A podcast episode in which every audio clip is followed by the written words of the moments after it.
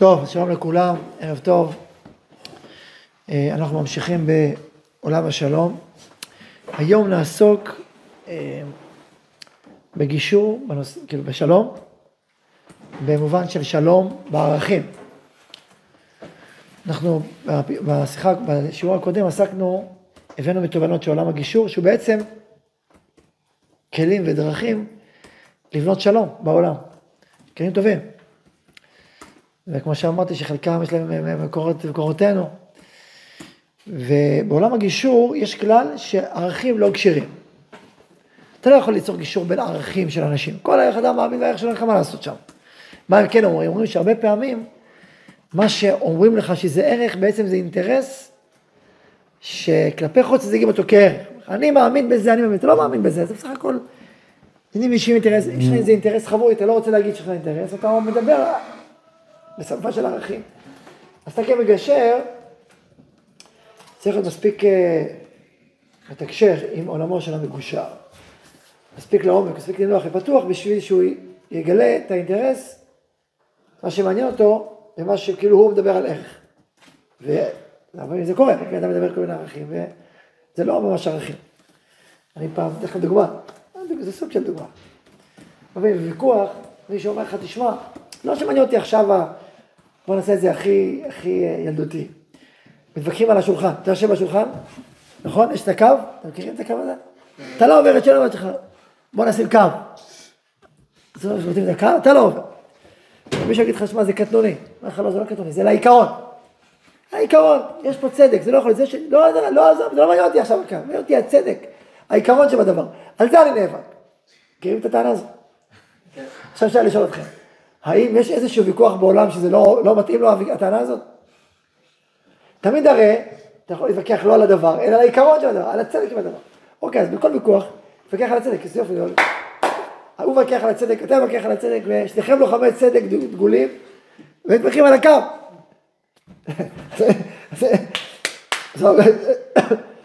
זו הבעיה. בתרגום, מאידך, מאידך, לפעמים באמת יש דבר כזה. שאדם באמת אכפת לו מאיזשהו ערך שהוא באמת באמת מדבר אליו, אה, זה באמת נכון. יש אנשים ערכיים באמת, לא מחלוקות באמת ערכיות, אבל לא מחלוקות אינטרסנטיות. בואו נגיד ככה, אספר לכם גם כן סיפור. לפני כמה שנים קראו לי ל... הזמינו אותי, תפקידי תלמיד חכם בן תורה, בתוך כמה רבנים, לעסוק במפגשים עם חכמי דת מוסלמים. אה, בשביל אה, לראות, אה, לייצר איזשהו שיח, דווקא רצו מהרבנים הדתיים לאומיים. מעניין, לא? מה טוב, מעניין, בוא נפגוש פעם איזה חמדת מוסלמית, זה הזדמנות. ומה זה? הרב של מבשר. הרב של מבשר?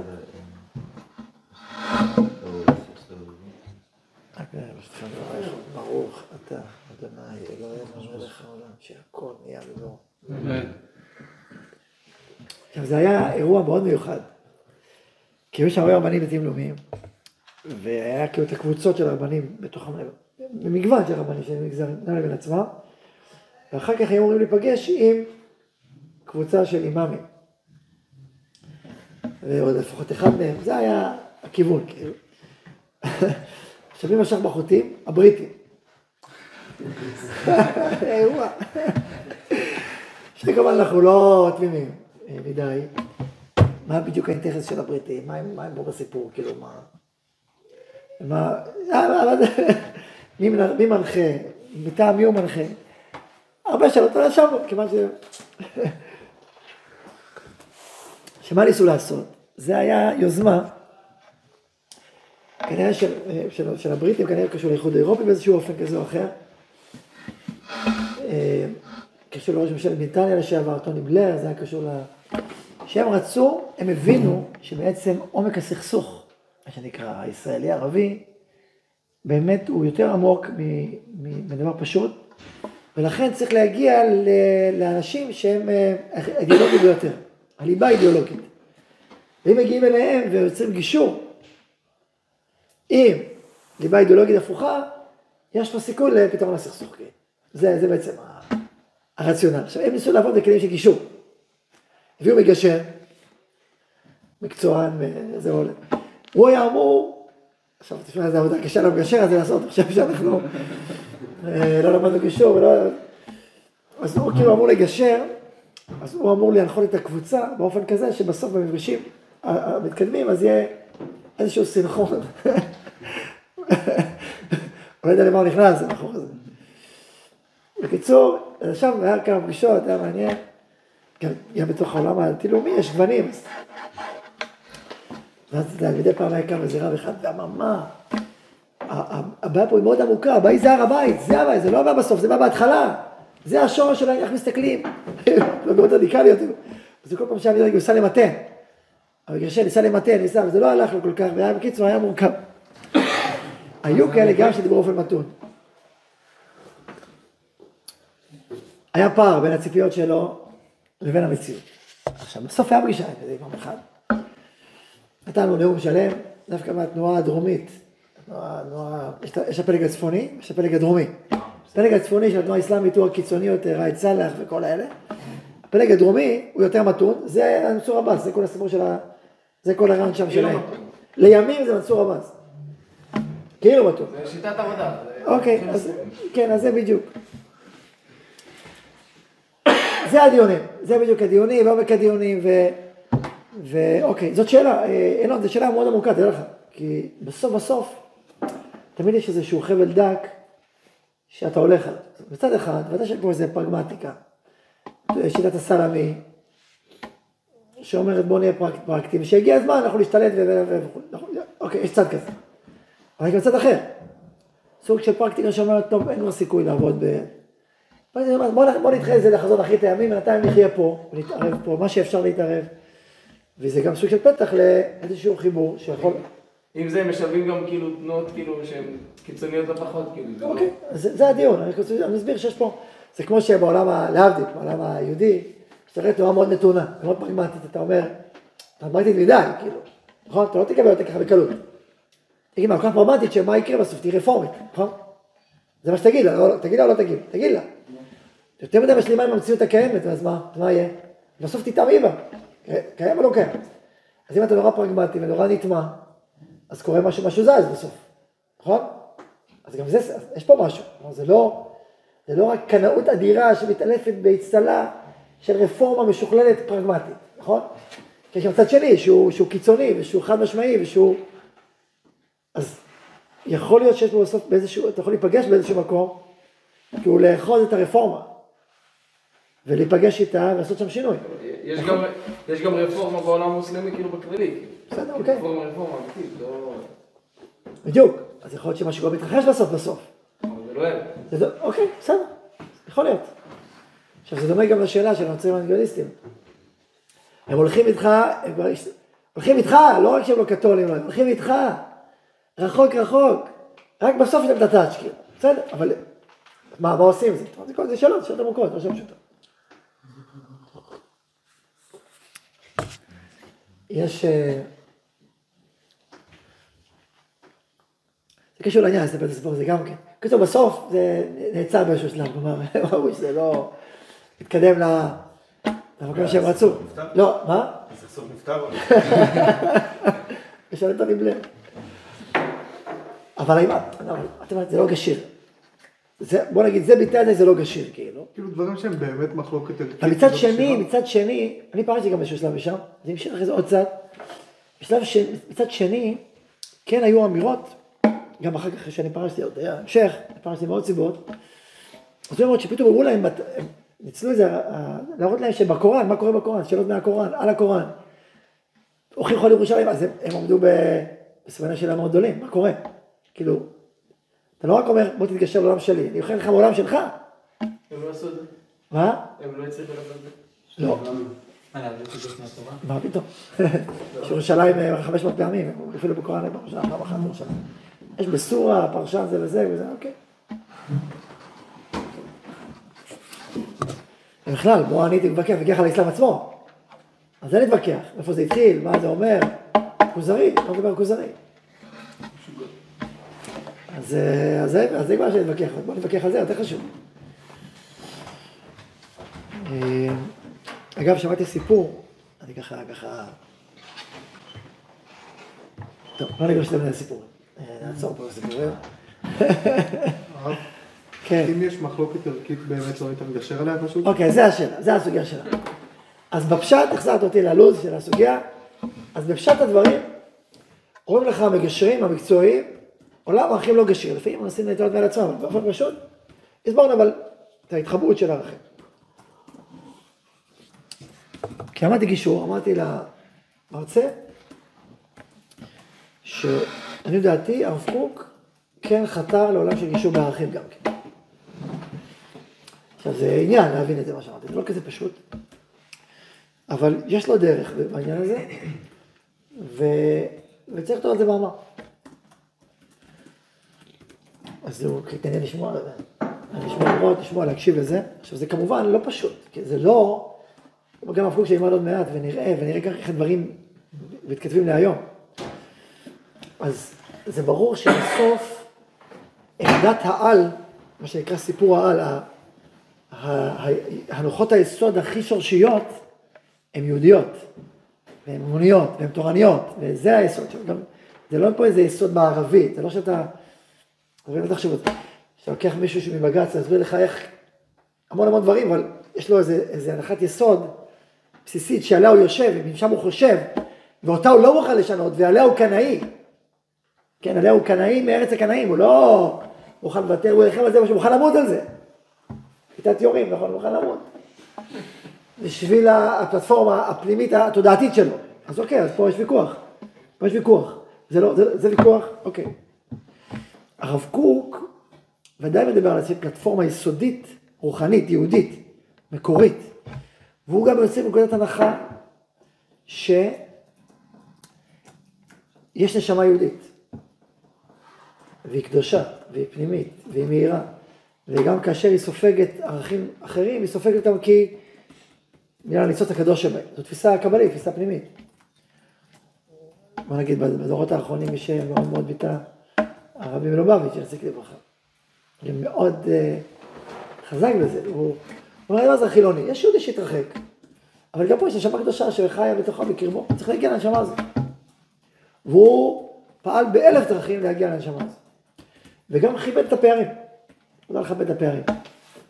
מי שמכיר, מי שעוקב אחרי סוג סגנון השיחות שלו, מצד אחד עם חסידים, איך הוא מדבר, ואיך הוא מדבר עם אנשים רחוקים, בשפות אחרות לגמרי. אז, אבל הוא כאילו אומר, מה זאת אומרת, איך, הוא לא אומר, אתה חילוני, בכלל לא רואה שהוא חילוני, אני רואה נשמה קדושה, שעכשיו יש, אוקיי, כך וכך, בסדר. אבל הוא ישר פנימה מדבר, ככה עושה, ככה הוא חי. עכשיו הרב קוק, כאילו הלך עוד צעד, ככה הוא חי בשורשים, רק הוא נתן הרבה מאוד מקום לתנועות הרוח שכלפי חוץ נחשבות חילוניות או חילויות. נתן להם מקום וראה את האיכות שבהם, את הערך שבהם. זה חלק מ... אה, מהיסודות של, של תורת הרב. יש לזה הרבה השלכות, להבנות האלה. אז אני רוצה ללמוד איתכם היום אחד הסעיפים היסודיים ביותר שעוסק בסוגיה הזאת. לרב יש כמה וכמה סעיפים על זה, בכמה וכמה מקומות. יש לו אגב על השלום. אמרתי קודש ד', כמה סעיפים על שלום. אה, והרב קוק עצמו אגב היה מצד אחד איש של שלום מאוד, והיה עם, עם, עם רצון לחיבורים עצומים ומחל על עלבונו והיטיב למשנאיו ומתנגדיו. מצד שני הוא היה, היה לוחם, הוא גם היה קנאי, הוא גם היה... זה מיוחד להתנגדות של, הרב. הוא נאבק על דעותיו. הוא ידע שהוא בדעת מיעוט לרבני דור, הוא אומר הלוואי שהיו משתווים לרוב רבני דורנו. הוא היה מודע לה, הוא גם לא מוכן לוותר, מצד אחד. מצד שני, השלום היה שלום בתפיסה שלו, ביסודות שלו, גם ביסודות משנתו. זה מאוד מאוד עמוק.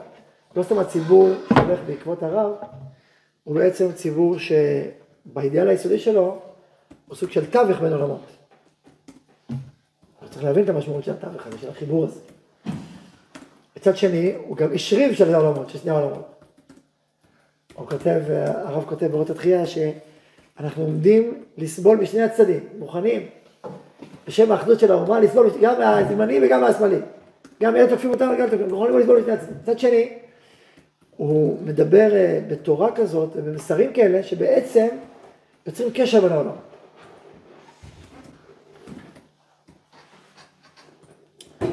אז נתחיל, בסדר? נתחיל.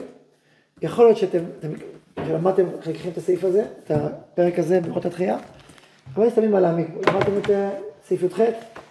הקודש האומה, בואו רק שאני אדע, לפי זה אני, הקודש האומה ואנושיות, מי למד שיצביע רק שאני אדע, אני למדנו עם הרב יוסי. מי מכיר שיצביע? שאני אדע, אוקיי, חלק לכם, טוב. אז בואו נתחיל. אני אקרא, אני לא אקרא את הכל הכל הכל, אני אשתדל לתמצת את העקרונות אה, וגם להדגים כמה שנספיק, להדגים את זה מדהים, איך רואים את זה עכשיו ממש בתנועה לשלם. כותב הרב כך, שלושה כוחות מתאפגים, מתאפגים, יש לנו מאבק, כעת במחננו. המלחמה ביניהם ניכרת היא ביותר בארץ ישראל. זה סוגר לפני עצמה, למה בארץ דווקא זה יותר המלחמה עוד יותר חריפה. אבל פעולתה היא פעולה נמשכת מחיי האומה בכלל. כלומר זה לא רק בארץ ישראל, זה בכל חיי האומה. וזה לא רק בדור הזה, וזה לא רק באומה, זה גם באדם. ושורשיהם, שורשי הפעולות, קבועים הם בתוך ההכרה החודרת במרחבי רוח האדם. זאת אומרת, כשאתה מסתכל באופן עמוק ברוח האדם בכלל, אתה מזהה את הכוחות האלה בפנים. זה מין נוס... שורשים, עקרונות. ואז הרב אומר פה איזו אמירה כללית, אומללים נהיה אם את שלושת הכוחות הללו, שמעת הוא יפרט אותם, שהם מוכרחים להיאחד אצלנו. מה זה לאחד? כלומר, לסייע כל אחד את חברו ולשכללו. הוא גם מסביר, ככה רץ קדימה, בסוף הוא מרחיב בזה, שיבצר כל אחד מהם את הקיצוניות שחברו יוכל לצורה מקולקלת, שלא יסויג דרכו. אז אומללים, אני חוזר, אומללים נהיה עם שלושת הכוחות האלו, נניח בפיזורם, במרידתם זה על זה, ובחלקם כל אחד למחנה מיוחד העומד כצר למחנה השני. מה, מה שלושת הכוחות האלה? הקודש, האומה והאנושיות. היה לנו שיעור על זה. כן. שלי? מתי? לא מזמן. אה, אז באת על זה? בהרחבה? מתי? האם אה, בית הלל ובית שמיים אולי קצת... בית שמאי, בסדר, אבל זה לא... לא, אבל אתה על שלושת הכוחות. הרב הזכיר את הפסקה, זה לא היה כאילו... פסקה, זה לא, לא, בסדר, זה זה לפני עצמו. אולי הזכרתי את זה בקצ- בקצרה. יש פה, בסעיף הזה, כמה יסודות חדים, אני מדבר עליהם בקודש, האומה והאנושיות. עכשיו, יש, בוא נקרא עוד טיפה, אלה הם שלושת התביעות העיקריות שהחיים כולם, שלנו ושל כל אדם, באיזה צורה שהיא מורכבים מהם. אז הוא אומר, איך, איך בדיוק, איך, איך שמניותיה של ההרכבה הזו, כלומר כמה אחוזים בכל אחד זה משתנה. בדורות, באנשים, על השורשים, אותם שורשים. אני מדלג, כשאנו סוקרים בחיינו ורואים לנו שהכוחות הללו, למרות תעודת התמזגותם, צריכים להתמזג ולסייע זה את זה. במקום תעודת, כלומר ייעוד שלהם להתמזג ולסייע כל אחד חברו, הם, הם הולכים ונפרדים, כן? הננו נקראים לבוא להצלה. יסודתו של הפירוד היא בצדדים השליליים שכל כוח רואה בחברו. כל כוח רואה בחברו צדדים שליליים. שהקודש מסתכל על האומה, על אלה שעושים בדגל האומה, רואה את הצדדים. כשמסתכלים על זה, צדדים. כל אחד רואה את הצד השלילי של- של- חברו, ולכן הוא לוחם, לוחם בו. והצדדים השליליים מצד עצמם באמת אינם ראויים לשמם זה, כלומר שליליים. כי בכל כוח בודד, בייחוד נפשי, הולכים לצדדים שליליים. בפרט אם התפשטותו היתרה על חשבונם של כוחות אחרים. אז זה אין להפליא בין הקודש ובין החול. הכל נכנס ככה תחת קו המידה והכל צריך משקל. אפילו רוח הקודש ששורה לנביאים אינה שורה לה במשקל. עוד מעט נדבר על החידוש העצום לעולם הקודש. ואז הוא אומר שהפירוד הוא, הוא יוצר בעיה מאוד, מאוד קשה. ואם כל כוח, ובעיקר, ואם בעל כוח מיוחד, הוא מלא מרץ של אש ביחס לשלילתו של הכוח האחר, או האחרים, שאינו חפץ להכירם, באופן חיים כן למצב נורא, הרוח מתבוקק, מתרוקן, ועמדת האמת, הכרתה הפנימית יחד עם אהבתה מתמוטטת היא הולכת ונעדרת, עד שנעשית עדרים עדרים. האמת נעשית עדרים עדרים והולכת לה, כי האמת היא, היא, היא, היא בעצם שלושתם. את הדרים בדרים והולכת, זה כאילו אחד הכאבים שלי כדי למשיך. ואז בואו נפתח את זה. שלושת הסיעות, אתם מכירים שהרב, יש לו כלל, בהרבה מאוד מאמרים הגדולים שלו, הוא מתחיל בשפה מאוד מאוד כללית. ואז אתה קורא, אתה לא מבין. כי זה מאוד מאוד כללי, מאוד מופשט, מאוד מלמעלה. ואז הוא הולך ומסביר, זה כמו קומץ כזה, זה עומד ככה, עומד ככה. ככה, ככה עומד. כשאתה מסתכל על זה, אתה לא ממש מבין. עד שאתה מגיע לפה, אה, עכשיו זה מאוד מאוד מובן. אבל זה לא דוגמה, זה פשוט, זה מתבטא פה. צריך לראות את כל המאמר, ואז זה יגיע לפה להבין את זה טוב, ואז תחזור עוד פעם. עכשיו, למה זה כתוב בשפה כללית? כדי שתבין שהאירוע פה הוא לא נקודתי, הוא אירוע כולל. יכול לדבר איתך רק על זה, אבל תראה את זה נורא נקודתי. אז הוא מסתכל איתך במערכת אמירות שחקים מאוד מאוד כלליים, והולך עם הזמן עד שהוא מגיע פה. אז לכן, אל תנסה להבין הכל מפה, אל תצליח.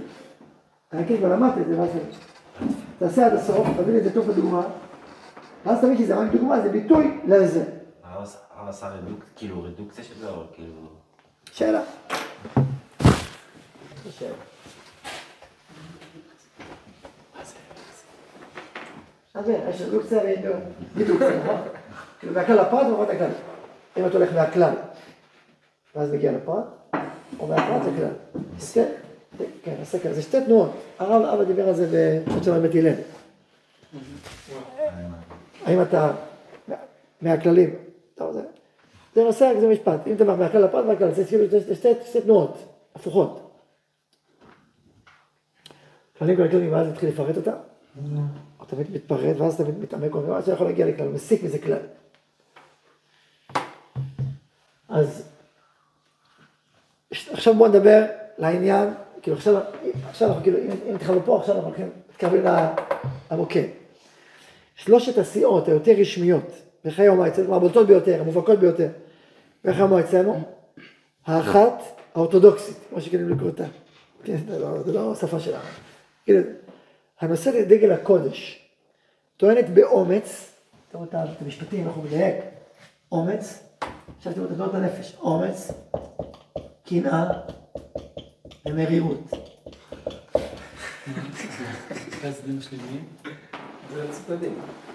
ואומץ וקנאה, כלומר קנאה במובן של קנאות. בעד התורה והמצווה, האמונה, עכשיו היום אנחנו יותר מתונים, כי היום אנחנו במקום הרבה יותר מפותח. אבל קודש, עכשיו מדובר על החרדים, כן, בסדר? אנחנו פשטנים. זה נורא סטריאוטריפי. כאילו, בשביל צורך ההבנה. אחרי זה, העולם החרדי הוא מאוד מאוד מגוון. הוא נראה עשוי מאור אחד, זה כמו שכל הסינים אותו דבר. זה ממש לא אותו דבר. גם העולם החרדי יש הרבה גוונים בתוכו, אבל כללית כללית היה. מה זה מרירות? מרירות זה במרירות, כואב להם, על זה שעם ישראל מתרחק מהתורה, כואב להם מה קורה פה, כאב.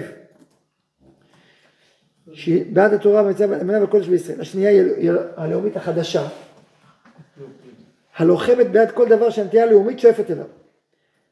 שכוללת בקרבה הרבה מהטבעיות הטהורה של נטיית אומה, החפצה לחדש חיי אלוהים. פה נקרא לזה ציונות, לאומיות, היום זה נחלש.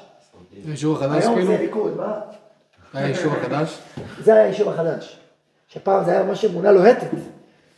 מה, זה ברנר, חלוצים, פאפאי. אם היו שמאלנים. וואו, זה היה ממש אידיאולוגים, קיבוצים, אה, צבא, זה, זה היה מאוד מאוד חזק פעם. מה? כן, כן, אתה ממש תחליף, כן, במובנים רבים. וגם זה סוציאליזם היה, נדבר גם פה. סוציאל, סוצי, סוציאליסטים, הם היו מפלגת פועלי ארץ ישראל, ארץ ישראל הלאומי, פועלי זה הסוציאליסטים, עשו איזשהו חיבור. לזכותו של בן גוריון ייאמר שפועלי ארץ היהדות, ארץ ישראל גבר על הסוציאליזם. היו כאלה שזה היה הפוך, כמו מפ"ם, שהסוציאליזם העולמי גבר על היהדות שלהם. ואז הרב מסביר ככה את הדברים הטובים שבזה. אז הוא אומר יש בזה טבעיות טהורה של נטיית אומה, חפצה לחדש חיי אלומים, אחרי שהוא זמן רב אלומי בקרבה מתגרת ידה של הגלות המרה. והרבה ממה שחפצה להכיר לטובה את אשר קלטה מרושם רוחם של ימים אחרים. כלומר, הרבה אומרים מה הרב מדבר פה על אה, תחיית ישראל. זה תנועות הלאומיות של המאה ה-19, שהרבה ימים באו ורצו להגדיר אותם את, עצמם, הגדרה עצמית. אז גם המשכילים היהודים קלטו את זה, וזו אותה תנועה, זה בסך הכל תנועה אחת, לבין תנועות רבות. אז, אז הרב לא עיוור, ותראו מה שהוא אומר. יש בזה אשר קלטה מראש ומרוחם של ימים אחרים, באותה מידה שהיא מכרת שלא נתנה גם לו. אבל זה, אומר הרב, זה ברור שיש משהו הרבה יותר עמוק ויהודי. אבל זה לא עכשיו הזמן להסביר את מקורות הקודש של הלאומית, זה לא הנושא שלנו עכשיו. השלישית היא הליברלית, זה נשאר והתחזק מאוד. שהייתה נושאת את דגל ההשכלה בעבר הלא רחוק. ועדיין ידעה תקיפה בחוגים רחבים, בעיקר החוגים המאורגנים, ובעיקר העלייה השלישית, מה שנקרא בשפה, העלייה הראשונה זה היה גם מווילנה, או לפני, אבל לפי מה שהספרי ההיסטוריה שנוהגים לומר, אז העלייה, זה העלייה השלישית מה שנקרא, כלומר יותר מגרמניה, המשכילים וכאלה, מאורגנים, עלייה מאורגנית. מערב אירופה. שהייתה נושאת דגל ההשכלה בעבר הלא רחוק, ועדיין עדיין תקיפה, זאת אומרת, הם לא היו הפועלים, זה לא החלוצית של רוסיה, זה גרמניה ושם. ועדיין ידעת בחיים רחבים, היה הרבה מאבק בין הפועלים לבין המאורגנים. מי שקורא נאומים של ברק כצנלסון, של זה, רואה את ה... אנחנו רוצים להכניס תחת דין הרבה יותר פועלים, ארץ ישראלים, לא יש מה, יכולים את הסוחרות, מאורגנית, שבה... ציונים כלליים. מה? זה היה ציונים כלליים, כלליים, כן. לא כן, וגם היה להם איזשהו חיבור לז'בוטינסקי. זאת אומרת, ויש- לכן הליכוד זה גם ליברלים, זה המחל, זה הליברלים שבליכוד, זה כאילו שייך לאגף הזה שהתחבר דווקא, דווקא לכלכלה חופשית יותר, וז'בוטינסקי היה איזה סוג של שילוב ביניהם, וזה היה איזה סוג של התחברות בגוונים האלה שם. השלישית היא ליברלית, שנושאת את דגל ההשכלה, כן, היא אינה מתכנסת בחטיבה הלאומית, והיא נושאת דורש את התוכן האנושי הכללי של ההשכלה, התרבות והמוסר ועוד. כאילו השכלה כללית, תרבות, אתם יודעים מה קוראים היום להשכלה כללית? זה משפט של פעם השכלה כללית, לא? איך קוראים היום? ראיתי היום בבית ספר זה, קוראים לזה ידע עולם. לדעת את העולם, כן, את העולם, יש כאילו שיעורים על זה, ידע עולם, זה יפה דווקא, אני חושב שזה דבר יפה, ידע עולם, זה דבר חיובי. אוקיי, אז זה עכשיו אני שואל אתכם היום. אם, אם ניקח את המצב של היום, האם אפשר לסמן שעוסק כוחות האלה גם כן נמצאים היום? אחד שעוסק בקודש, בקדושה, בתורה, במצווה. השנייה, אז, אז בוא נגיד, הקודש והאנושיות הם ברורים, נכון? הליברליות מאוד מאוד ברור. הצד השמאלי של המפה מאוד שם, בית המשפט מאוד שם, מאוד מאוד שם. הצד של הקודש מאוד ברור גם כן. מה שנקרא המפלגות החרדיות מאוד חד משמעי. הלאומי הוא הכי מאומם היום, יש לו שתי מקומות מרכזיים. איפה הוא חונה בעיקר? בליכוד ובדתי-לאומי. דתי-לאומי נשאר, לאומי זה גם קודש. נכון. דתי-לאומי מדבר על זה. למה זה הליכוד? זה... באופן, בפשט זה ליכוד. כאילו, באיזה מידה. עם ישראל, עם, לו מעם. למדינה, מארץ ישראל, מחיילי צה"ל. מי זה חיילי צה"ל? חיילי צה"ל. להגן על העם, על עם ישראל. מדינה, על המדינה. אוהבים את המדינה, להגן על המדינה. נכון? אפילו העם היהודי, העם היהודי, אכפת לנו מהעם היהודי. יש, יש, יש פלחים שאכפת לו מהעם. זה עיקר מה שמעניין אותו. המדינה, העם, הצבא. עכשיו, אנחנו יודעים באמת שהיום, העולם המסורת, כאילו, צריך הרבה יניקה מהקודש בשביל שזה יחיה. נכון? ו, ו, אבל זה עדיין, זה כאילו התנועה המרכזית שלו. אתה שואל ליכודניק, מה אתה, איזה בשורה אתה מביא לעם ישראל? מה, מה העיקר שלך? אז הוא יגיד הקודש, או יגיד האנושיות, או יגיד הלאומיות, הוא יגיד אני דואג לעם ישראל, מדינת ישראל, נכון? זה מה שהוא יגיד, מה, מה אתה מביא? מה הבשורה שלך? זה הבשורה. עכשיו, הבשורה הזאת תכיל בתוכה גם חלקים מפה וגם חלקים מפה. כן, מדבר גם פה, גם פה, אבל הבשורה, כאילו, האיש שלך, הנקודה שלך, רואה, זה, זה יהיה זה. נכון, זה, זה, זה, זה ככה, זה... זה נכון שהיום, קשה לו לדבר בלהט אידיאולוגי משוכלל, אין לו אידיאולוגיה מספיק משוכללת. זה היה פעם. אני אומר לשמחתנו גם. כי המשוכלל הזה, יש בו הרבה בעיות. זה בדיוק התחליף דת, זה בדיוק העודף, שעכשיו התייתרנו ממנו והשתחררנו ממנו. לכן חוט השדרה, לכן החלק הזה צריך חוט שדרה. ויש מאבק, כאילו, עכשיו את דתי לאומי, דתי לאומי, הוא בעצם במסר שלו רוצה לחבר את העולמות, בפועל הוא מחבר יותר את שניהם, ככה זה נראה, אבל באמת, הוא צריך לחבר גם את זה, לדבר על זה שזה משמעות, לדבר על זה, ולחבר את זה, לתקשר עם זה. עכשיו, מה שהוא עושה היום בעיקר, החלק הזה, ואנחנו עכשיו בכלל תפקיד חשוב בזה, זה לתת חוט שדרה אידיאולוגי לפה. אם יש פה מאבק, מה יהיה העיקר הזה, זה או זה? אז האמירה של הדתי לאומי היא, זה החוט השדרה האמיתי, הרי זה כבר חוט שדרה עצמאי כבר לא קיים. מספיק. זה לא מספיק חזק, הוא לא מספיק... אה, פעם זה היה חזק, היום כבר לא. אז מה הייתה בתוכנית השדרה? או הקודש, והפנימיות הקודש הרחב והמפותח, או זה, עם ככל העמים, שרוצה כבר, בקצה בין כל אזרחיה בכלל. אז זה כאילו, זה המאבק שלנו, זה מה, מי ייתן את חוט השדרה. זה המקום שלנו, אגב, פה. אתה מבין מה אני מדבר? כן, אבל כן. אני יודע, אני מדבר קצת מופשט, כי... אבל... אה, אוקיי, אני אסביר בהמשך יותר. הקודש, האומה האנושיות. על כל פנים אתם מסכימים איתי שזה בעצם הדגלים? כלומר, אם שואל את הליכוד, מה הדגל שלך?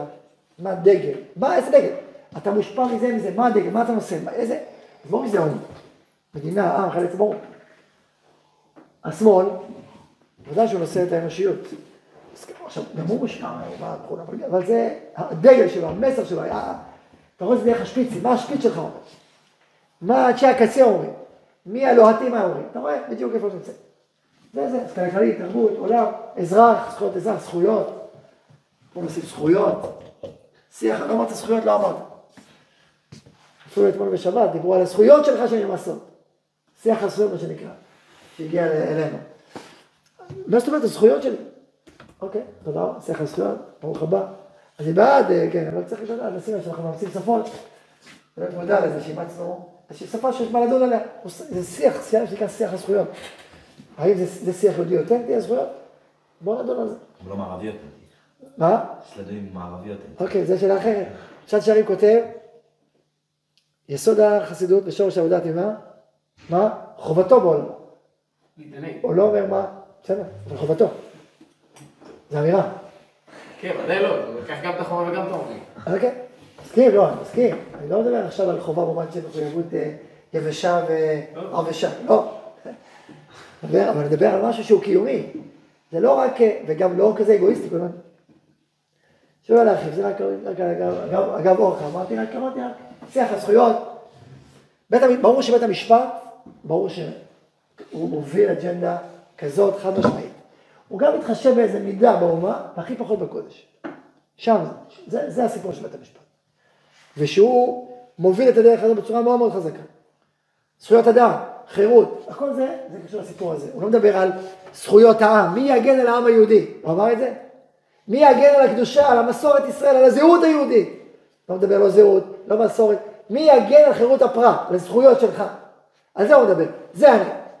אומרים לו, חביבי, אתה קו אחד, מה לפני קווים אחרים? איך אתה מסתלט פעם כולם? הדבר הזה עוד שנייה, נראה איך זה ממש, מה שהוא כותב אחד לאחד. אבל זה הקווים, כל השבוע האנושיות. עכשיו, ברגע שכל צעד רואה את השלילה בחברו, הוא נלחם בכל תוקף ועוז. מרד, מלא מרד של אש. עכשיו בואו נראה, תציגו את השליליים רגע בכל צד, או יותר. שליליים וככה ביום בזלזול, שליליים וחיוביים בכל צד. קודם כל זה ערכים. קודש זה תורה, זה קדושה, זה אמונה. זה, זה מקביל למושג דת, דתי, משרד הדתות. ועדת דת ביישובים. מי שוועדת דת אני מצטמרר, האוזן שלי. זה לא נכנס לי לאוזן. ועוד יותר גרוע, צורכי דת. תרבות תורנית. תרבות תורנית יותר טוב מאשר צורכי דת. יש לך צרכים? יש הרבה צרכים, נכון? יש גם צרכים לאכול, לשתות. יש גם צרכי דת, ניתן לך את צרכיך. זה, זה, זה שפה כל כך לעומתית, כל כך לא מותאמת למובן העמוק של חיי אמונה. חיי אמונה זה, זה שורש הקיום של האדם. זה לא צרכי דת, זה כל כך, אה, שפה כל כך חיצונית, כל כך חילונית, למושג הזה של עומק ושל קודש של אמונה. פשוט לא מתכתב בכלל. זה בכלל בכלל, עכשיו נמשיך. אבל זה קשור ל... קצת למושג הזה של, של דתות, כאילו. כמו דת, כמו דת, אה, כמו דתות. זה קדושה, זה אמונה, זה, זה חיי אומה בארצה, אז קשור לקודש, זה הפוך, אולי זה צורך אחד את השני. העולם הנוצרי אומר או קודש או אומה. הקודש גם לא מוגבל לאומה, הוא בינלאומי, אוניברסלי, אתה יכול להיות נוצרי ארמני, נוצרי אמריקאי, מה זה קשור לאומה? זה קשור לאמונה, זה משהו אחר לגמרי. זאת האמירה, זאת גם אסלאם אותו דבר. להיות מוסלמי בין לעמי האומות, מה זה קשור? מה זה קשור? זה דת. עם ישראל זה סיפור אחר לגמרי. עכשיו, בשפה הזאת אין שום, אין קשר בין השניים. אבל הסיפור היהודי הוא סיפור אחר. עכשיו, מדינות יש דת רשמית כאילו. נכון? יש דת רשמית, אבל זה לא, זה לא הכרח. המדינה החליטה שזו דת רשמית שלה. אבל אה, זה לא, זה לא, גם אם זה אמיתי. לא, אבל זה לא קשור למהותו. זה פשוט, המדינה. לא- החליטה לאמץ את חוקי הדת אולי, אבל זה לא שבמהות המדינה והדת כרוכים אחד בשני. לא, גם הם יגידו שאתה יכול להיות בן אדם אחר, בן אדם ומוסלמים. ואין בעיה. אדרבה, הם יסלחו בזה גם. ארצות הברית זו דוגמה קלאסית. לנוצרים, אבל למוסלמים יכול להיות אחרים. אז, אז בעצם, אבל עם ישראל זה דיבור אחר לגמרי, עם ישראל הוא שונה מכל האומות. גם אנחנו, אנחנו יצאנו במצרים כעם, זה הפרשה שלנו. הנה העם לישראל, אנחנו נוצרנו כעם עם סיפור אחרים אחר. אנחנו כעם נוצקנו ונוצרנו מחיי רוח, ואז התלבשנו בגוף של עם. ופועלים במציאות, בחיים כעם. זה סיפור חיים אחר לגמרי, דיבור אחר. ש- שהקשר בין העולם הוא קשר מהותי. וגם לאנושיות. זה לא שיש אנושיות ויש דתיות. זה קשר מהותי. עכשיו, זה נכון שגם הדתות האחרות מנסות לחבר בין המוסר לבין הדת. כי זה בדרכנו כמובן, דרך עם ישראל, הסיפור של הדת והמוסר. כי עבודה זרה, לפני הדתות, היא בכלל לא מוסרית. במובנים רבים היא לא מוסרית. היא אגואיסטית, היא, היא, היא דיקטטורית, היא, היא אלימה, היא כוחנית, היא, היא, היא נוראה, בכלל מוסרית. מי בכלל חיבר בין עולם הדת לעולם המוסר? מי חיבר בין השניים? זו אמירה ישראלית מובהקת, שאימצו את הנצרות והאסלאם בדרגות שונות, בהקשרים שונים, מהעולם היהודי.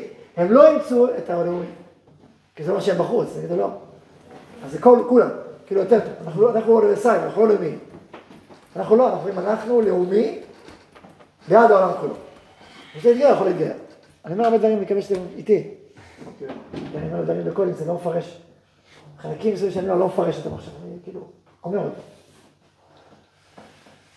על כל פנים, הקודש, אז עכשיו, הקודש יכול להתווכח עם האומה, בוא נגיד, את, כמו שיש טעות, אה, שהאומה חושבת שהקודש, אלה שדוגלים, אלה שדוגלים באומה אומרים, אתם הקודש מצוין, איך יתקיים המדינה הזאת, איך יתקיים? תלמדו תורה, איך זה קשור למדינה? איך זה קשור לעם? איך זה פועל ויוצר את העם? אתם מתכנסים בתי כנסת ודרשות, אבל איך זה, מה, מה יקרה עם העם שלנו? מי יהיה בצבא? מי יהיה בכלכלה? מי, מי, מי יעשה את הדבר הזה? אתה מכיר את הטענה הזאת? ב- בשפה הקיצונית שלה, אתם כאילו לוקחים כוח מהעם ולא נותנים לו. אני לא רוצה לדבר על שפה אנטישמית כמו של פרופסור כשר. זו ממש שפה ממש מזעזעת לי לשמוע את ה... אדם רציני. פעם שאני כמה הרצאות שלו, אדם רציני. נהניתי. הוא ברמה. אבל איזה מין שפה אנטישמית יוצאת לו מהפה? תפילים, מה זה איזה ביטויים נוראים? מה זה הדבר הזה? מה זה הדבר הזה? ביטויים? מה זה? וואו, כאילו, איך הוא לא פוחד להזיז את המגן מהפה? איפה האנושיות? איפה המוסריות? איפה כבוד האחר? איפה העדינות? איפה כל זה נעלם פתאום? פתאום איזה קנאות מטורפת פורצת. אוקיי, זה מהקודש. לא. כן, נכון, לא זה ניצוץ. זה רק ליהודים כאידיאולוגים, כמו שהם היו. עכשיו, זה נכון, זה מאוד עמוק. עכשיו, אה, הוא אמר, הוא אמר, בצל אלוקים עשה את האדם, זה תורת האדם. זה גם היהדות אומרת, שמה זה האדם? האדם צלם אלוקים, כאילו, במובן הזה של האדם. טוב, נכנס את המילה לשם. על כל פנים, מה התחלתי להגיד? הצד החיובי שבו יכול להיות. ביקורת של לא, לא, דיברתי שגם פה בקודש אפשר לתפוס את זה בצורה לא נכונה ולהגיד תשובה זה לא קשור לקודש. כלומר, העולם החרדי הקיצוני יכול לחשוב שהוא לא צריך מדינה, הוא לא צריך עם, זה ככל העמים, והם ככה, יש כאלה שחושבים ככה. אני פעם קראתי מאמר של חבר כנסת, העולם החרדי שאומר היהדות היא דת, היא דת, היא לא לאום. אני הצטבררתי לשמוע את זה, אתה לא יודע, ישראל שחטא ישראל, נכון? אז אם, אם, אם היהדות היא דת, אז אם הוא, אם הוא חטא, אז הוא, אז הוא יצא, לא, יש הלכות, מה זאת אומרת חולק? הוא לא יכול להמציא הלכה. הוא לא יכול להמציא הלכה, עם כל הכבוד, הוא חרדי. יש לנו תורה, הוא לא יכול להמציא הלכה. אין מה, יש הלכה. יש הלכה, אדם לא יכול להמציא המצאות, זה המצאה. אדם שנהיה חילוני וחזר בתשובה, עבר על כל עברות שבתורה, עבר, הוא עבר דת, נכון? אז לפחות הוא גוי, הוא צריך, לפי דעתו הוא גוי. הוא עבר דת, הוא גוי. אז אם הוא עכשיו חוזר בתשובה, מה הוא צריך? להתגייר. לעבור חזרה, הוא צריך להתגייר? הוא עושה תשובה, הוא יהודי לכל דבר ועניין. גם לפני כן הוא יהודי לכל דבר לא- תגיד, יהיה לו קיי נסך, אוקיי, זה כמו. אז הוא יהודי, לגמרי. אם, אם זאת אישה, יולדת ילד, יולדת ילד נגיד עכשיו בתשובה שלמה, אתה צריך להתחתן, אתה מותר לך? צריך גיור? אז מה אני מדבר? זה מילים בעלמא, זה קוטע קוטע דברים. יש הלכה, מה זאת אומרת? יש לנו תורה, אתה לא יכול להמציא הלכה. אז אלא מה, הוא לא הבין עד הסוף, הוא הקצין, ואוקיי, וילך מהגלות, גם הרבה שטויות מהגלות נכנסו פנימה. זה טעות, זה טעות, זה טעות יהודית, זה טעות תורנית, ברורה ומובהקת. אין פה שאלה. גם אתה אומר כגוי, כ, כ, הכ הזה יש לו נפקא מינה אדירה, משמעות עצומה, הלכתית, מעשית, ממשית. זה לא, אז לכן זה פשוט טעות, בשפה הזאת ולחשוב ככה.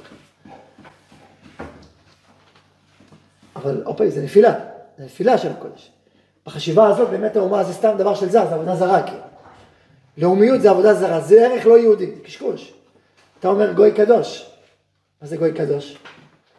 מחר באנו מכל העמים, אז יש לנו עם שנקרא עם, עם ישראל, נכון? קדוש ישראל, אלוקי ישראל, מה יש לדבר? זה, זה כל כך פשוט, כל כך ברור, זה כל כך מלא בתנ"ך, מי...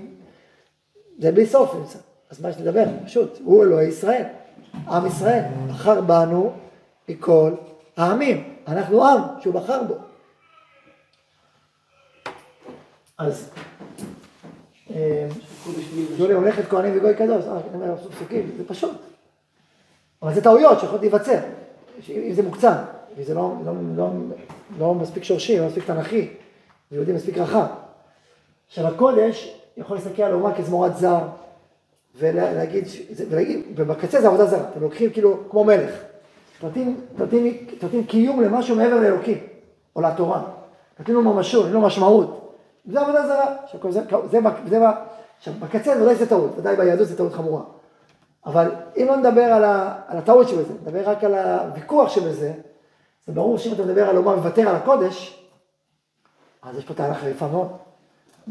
איזה, אומה, עם ישראל יכול בלי קודש? לא. מנהל כל אזרחיה כעם? לא. אז איזה מין רעיון זה לדבר על אומה בלי קודש? אז לכן הוויכוח הוא אדיר. אתם עם ישראל עושים את הקודש שלכם, כל הגלות שלנו זה בגלל זה. אתם רוצים לעשות גלות על גלות? זה הטיילה, בטענה שיש בה הרבה מאוד אמת. הרבה מאוד אה, חריפות, בטח, מה, כל, כל, כל, כל הדיאלוג שלנו זה, זה קרבת אלוקים, זה, זה מי שאנחנו. אז לכן הטענה הזאת זה חזקה מאוד על אומה בלי קודש. היא גם, היא גם אין ערכים, אז מה אתם, מה אתם כלום, סתם. ערכים מערביים, מי אתם? מה הזהות שלכם? מה הזהות שלנו? למה שונאים אותנו? בגלל שאנחנו סתם אומה. הרי הציונות אמרה, הציונות החילונית הקלאסית, כאילו, הקליפה שלה, אמרה ששונאים אותנו כי אין לנו מדינה משלנו. אז זה פתרון האנטישמיות. אנחנו נסיים בכל האומות, אוקיי, למה כי אין לנו מדינה, ושמאל נגיד נלך לפלסטינה, הנה זה אומרים בעצמם, נקום, נקים מדינה, נהיה עם ככל העמים. אז הקמנו מדינה, ויש אנטישמיות על מדינת ישראל, מה שנקרא ההטייה האנטי-ישראלית. כיבוס. זה אנטישמיות נגד המדינה, אז מה זה לא זה? הסיבה שזה לא זה, כיוון שהסיבה האנטישמיות היא הרבה יותר עמוקה. הסיבות שלהם הרבה יותר עמוקות ממה שחשבת. זה סיבות שקשורות למהות שלנו, לסיפור שלנו, לתפקיד, לשליחות שלנו, לייעוד שלנו, לתהליך שלנו בהיסטוריה. מי נלחם בנו ולמה נלחם בנו, יש סיבות. תאמין, זה לא ככה סתם. אז הקודש צועק על האומה בצדק, על רבי שורק לו, אבל גם האומה צועקת על הקודש בצדק, אומר לנו, זה חידוש. אתה דתי, אתה רב, מה אתה צריך להגיד? שעדיין אתם צועקים, אתם טועים. אומר הרב, לא נכון. גם האומה צועקת על הקודש, יש חלקים שזה נכון. למה? פה הוא חידש חידש עצום. אפילו רוח הקודש הלוי שורה במשקל. צריך מידה. לא הכל. מה אתם אומרים על זה? זה עם זה. פשוט לך. אפילו רוח הקודש פשוט. אומר, אני רוצה להיות לבד, אני בעל הבית, לא צריך אומה, לא צריך, זה זה הקודש, זה מה שיש. צריך תורה אחרי תורה מצוות, נגמר. לא צריך אומה.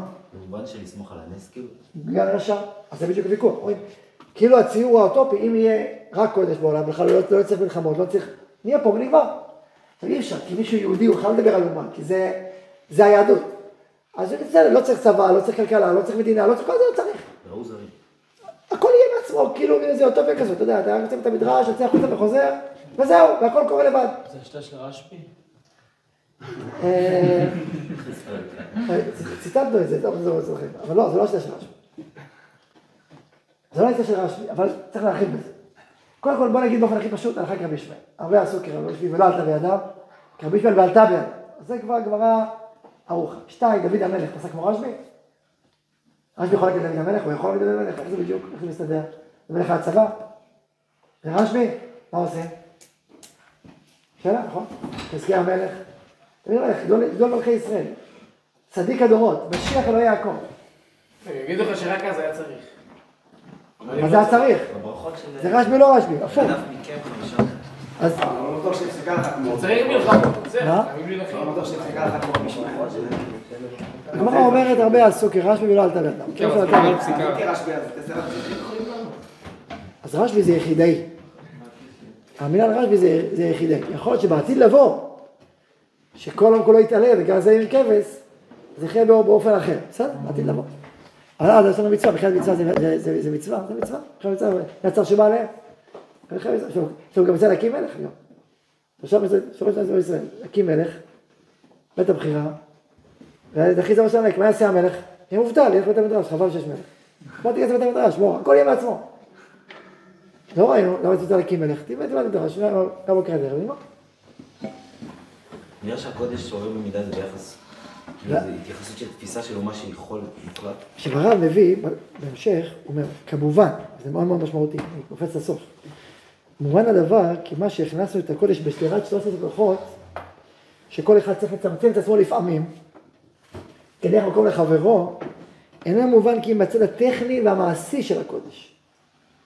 מה שקראתי לזה, בצד הדתות, כלומר, מקוואות, בתי מדרש, החלק הדתי, כאילו, יכול. ובצדדים המחשבתיים והרגישו קשורים לצד המעשי. אבל עצם הקודש העליון, מה פתאום, הלא הוא הנושא הכללי, שהצמצום הזה עצמו הוא הוא מכלל עבודתו. ולכן פה צריך לדעת, משהו מאוד מאוד משמעותי, קודש עליון, או קודש קודשים. זה מה שפתחתי בתחילת דבריי, כי זה הפלטפורמה. צד אחד יסוד התודעתית, המהותית ביותר, היא, זאת, הקודש העליון. גם הצמצום הזה הוא עבודת הקודש. אני, אנחנו, הרי כל מה שאנחנו עכשיו התחלנו לדבר על דברי תורה, נכון? הרי כל מה שאומרים פה, מה השאלות התשובות, אני, מה טענתי, ודברי תורה, הלכות. הכל זה מהתורה, נכון? כלומר, הנחת היסוד? הקודש העליון. אז אם ככה, מה מדובר? מדובר פה על אותם אנשים שדואגים לקודש במובן המעשי.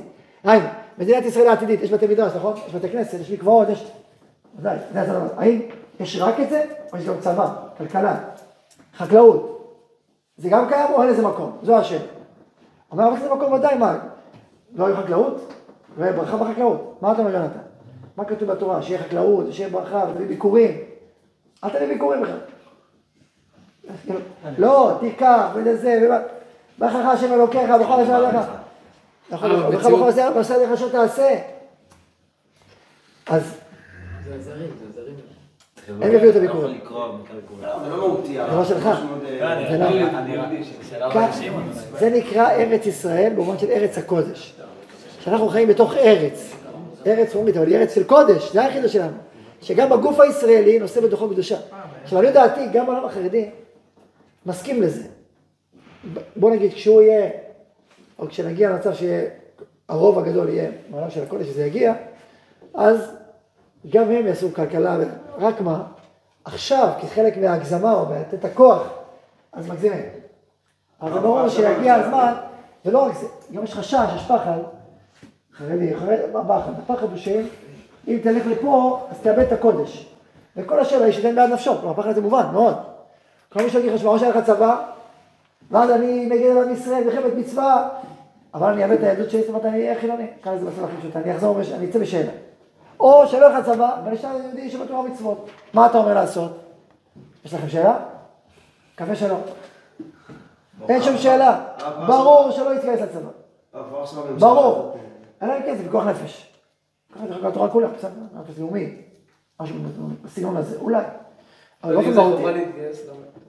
למה? מה? מאיפה הידיעה הזאת? חברה נובעת מה... מה? מאיפה הידיעה מה יקרה לך? כפירה מבחירה חופשית. אתה רואה, אתה רואה, מתוך 100 אנשים שהתגייסו, 90 95 התרחקו מהתורה. אל תתגייס. לא, אם זה היה המצב, אם מתגייסים. אם זה... זה לא המצב. מה? זה זה. זה בדיוק הפוך. מי שכבר מתרחק לפחות שיתגייס. זה עובד הפוך. ברובם. עכשיו, צריך עכשיו, להיות אם. אם המצב היה ש-95% מהמתגייסים היו מדחקים מהתורה, היינו אומרים, אל תתגייסו בשום פנים ואופן. הנה עכשיו עברו לך בנים בנות, אל תתגייסו, מה השאלה? פשוט. זה ברור, זה ברור, זה הפנימי של הכל. בסוף הכל עומק מזה. בסוף אתה מתרחק מזה, אז מה עשינו? נכון, זה הנשמה שלו הפנימית, זה ההוא. הנשמה שלו, לא יכול להתרחק מהנשמה שלו, בסדר? אבל אם בסוף הוא מתרחק, אז ברור. מצד שני, אם כן, יש מלחמת מצווה, ואתה עונה בו ואתה, אז ברור שכן, באופן עקרוני. עכשיו, אז לכן, הרב, מה העדיפות השנייה? אומרת, אמרנו, מה העדיפות? איזה עדיפות? יש במציאות אומרת, יש- יש שלוש ערכים, אז רק רגע, רק רגע, אני עוד אנסה עוד השלמתי אפילו את המהלך. אוקיי. אנושיות, שנייה, אנושיות, זה ההתייחסות לכל העולם, שאנחנו בעד העולם. יש מין מחשבה כזאת שצריך לשנוא גויים. לשנוא גויים, את הגוי ישנא אותך. אה, אתה גוי. עכשיו, זה לא סתם קרה, זה קרה בגלל אלפיים שנות גלות, שחווינו כל כך הרבה שנאה מהגויים, כל כך הרבה כאב, כל כך הרבה רמיסה, זה הנשמה שלנו נשם. ועדיין. ועדיין, ועדיין.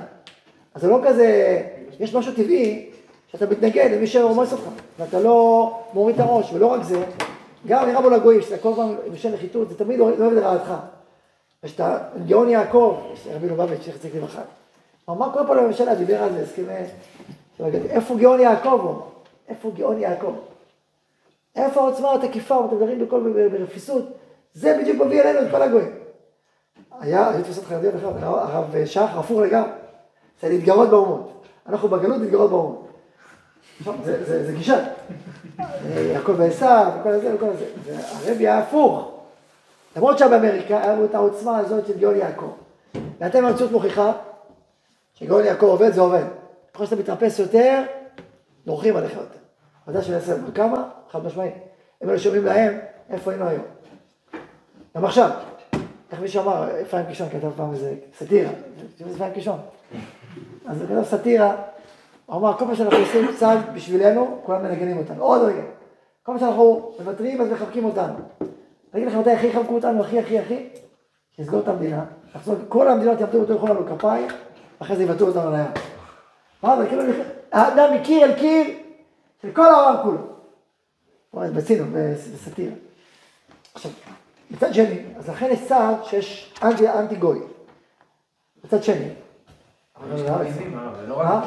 יש הבדל בין גויים לאויבים. נכון, נכון מאוד.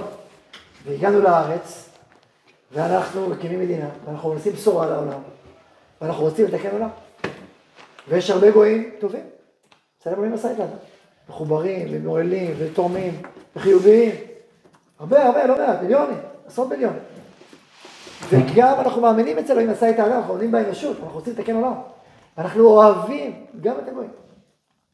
זה נכון שמי שאוהב גוי, לפני שהוא מבין מה זה יהודי, לפני שהוא אוהב את היהודים, זה בעיה חמורה. אם אדם לא אוהב את היהודים, אוהב את הגויים, זו בעיה חמורה. אם הוא נורא נורא חמוד, ועם כל הגויים, והכל נחמד, אבל יהודים אחים שלו, הוא נגדם, והוא חושב, אוקיי חביבי, אתה, הכל יתבלבל אצלך. אבל אם יש לך אהבה לעם שלך עמוקה, לא אהבה פשטנית, לא אהבה שוביניסטית, אלא אהבה פנימית, לאהבה מי אתה למטה. אז זה נפלא מאוד, ובתוך זה אתה גם אוהב את האדם כולו. הרב, יש לו משפטים מאוד חריפים, מי שאוהב רק את עם ישראל. אבל מי שחושב שזה אוהב את עם ישראל, זה מהמחשקים הנוראים שאנחנו בזה.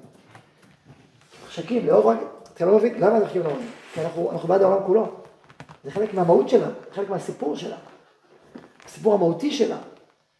על כן אקווה לך השם לראות לתקן עולם מלכות ידיים, לפתח לך כל אישי הארץ.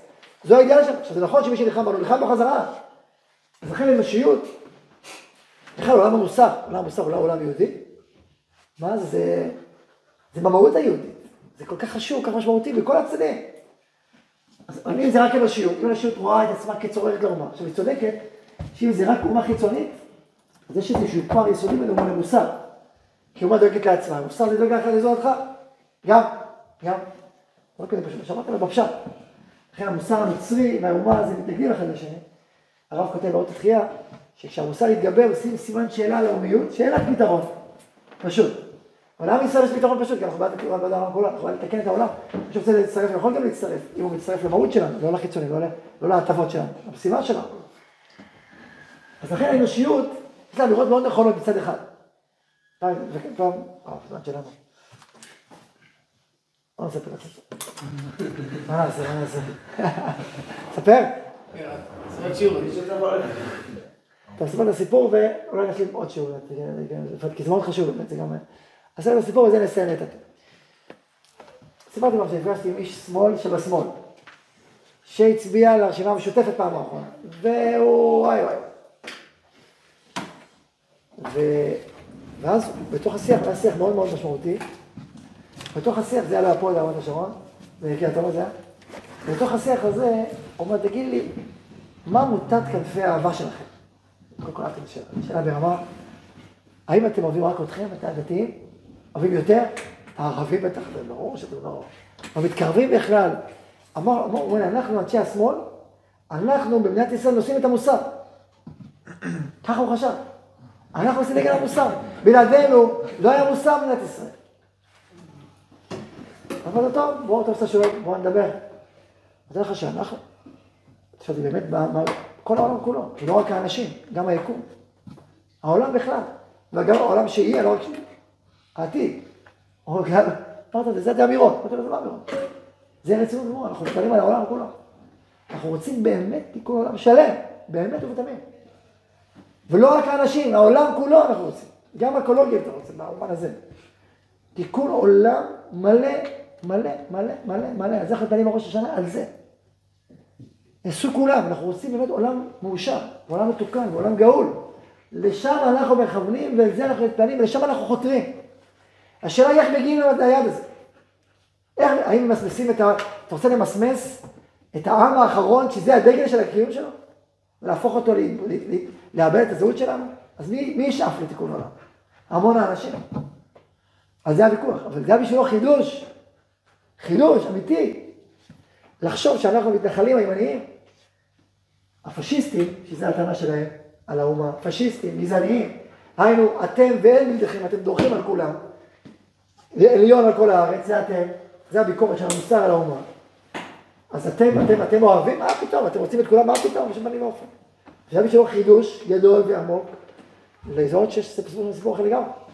אבל הוויכוח עדיין ויכוח, כאילו, בין זה לזה באופן פשוט. בסדר? אז זה, זה הסיפור, ובעזרת השם נמשיך עוד פעימה אחת, ברוך ה' לעולם.